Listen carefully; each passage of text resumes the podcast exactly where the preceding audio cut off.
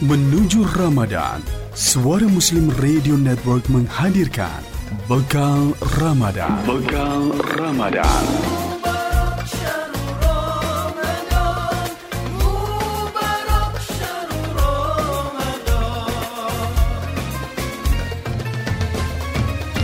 Dipersembahkan oleh Magister Manajemen STIE Perbanas Surabaya. Assalamualaikum warahmatullahi wabarakatuh.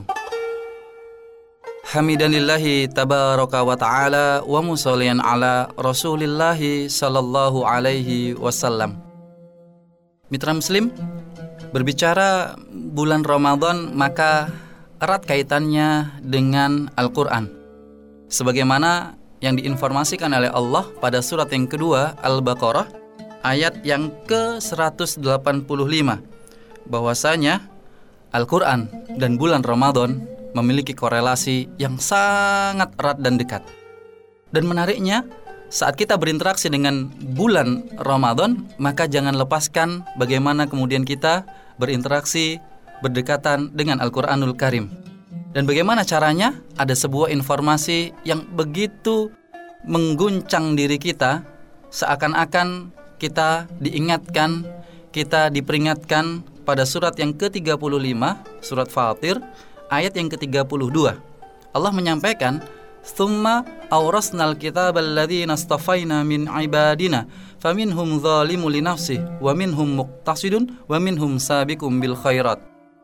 Ayat ini menyampaikan ada tiga golongan orang yang mendapatkan Al-Quran. Berarti tidak semua orang yang memiliki Al-Quran maka dikatakan dia memiliki kesempatan untuk selalu baik. Kenapa? Karena ada tiga kategori. Ada yang mendapatkan Al-Quran, memiliki Al-Quran, faminhum zolimu nafsi, tapi dia zolim kepada diri mereka sendiri. Ada juga yang tengah-tengah muktasidun. Namun ada yang diminta dan diharapkan oleh Allah tentunya wa minhum sabikum bil khairat. Maka dari tiga golongan ini yang memiliki Al-Quran, yang mendapatkan Al-Quran, maka tentunya yang diharapkan dan diprioritaskan kita adalah sabikum bil khairat. Maka mitra muslim, mari kita perbanyak agenda-agenda yang sifatnya inovatif, agenda-agenda yang memprioritaskan bagaimana telaah Al-Quran, tadabur Al-Quran, juga di samping kita mencoba membaca dan juga menghafal di bulan Ramadan nantinya, itu menjadi sisi-sisi prioritas amal ibadah kita. Karena memang sabikum bil khairat menjadi harapan bagi tiap umat muslim yang mendapatkan Al-Quran dan berada di bulan Ramadan. Namun, wal billah tentunya jangan sampai kemudian zalimul linafsi. Ada orang yang kemudian mendapati Al-Quran, namun dia termasuk kategori orang yang menzolimi dirinya sendiri. Kok bisa? Sebuah analogi, saat ada orang sakit, kemudian di tangannya ada obat, maka dia memiliki kesempatan untuk meminum obat tersebut, namun akhirnya dia tidak minum obat tersebut. Apa yang terjadi?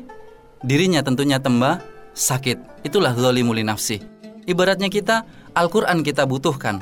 Ada kesempatan untuk membaca Al-Quran, namun kemudian tidak kita gunakan kesempatan itu. Hakikatnya, kita menzolimi diri kita sendiri. Sebagaimana orang yang memiliki obat, memiliki kesempatan untuk meminum obat tersebut, namun dia tidak mengfungsikan dan meminum obat tersebut, sehingga tentunya dia lebih sakit lagi dari sebelumnya. Demikianlah orang yang disebut dengan zalimul linafsi. Maka bertemu dengan bulan Syahrul Ramadan, Syahrul Quran, semoga kita sudah mempersiapkan segala plan, agenda kita, bagaimana kita bisa bermesraan lebih bisa berinteraksi dengan Al-Quran dan semoga tentunya kita termasuk kategori yang sabikum bil khairat. Saya Heru Kusumahadi untuk bekal Ramadan Suara Muslim Radio Network. Wassalamualaikum warahmatullahi wabarakatuh.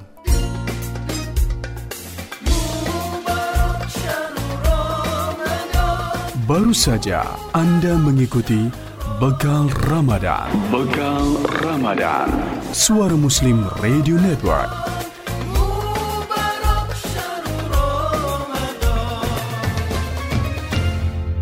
Dipersembahkan oleh Magister Manajemen STIE Perbanas Surabaya.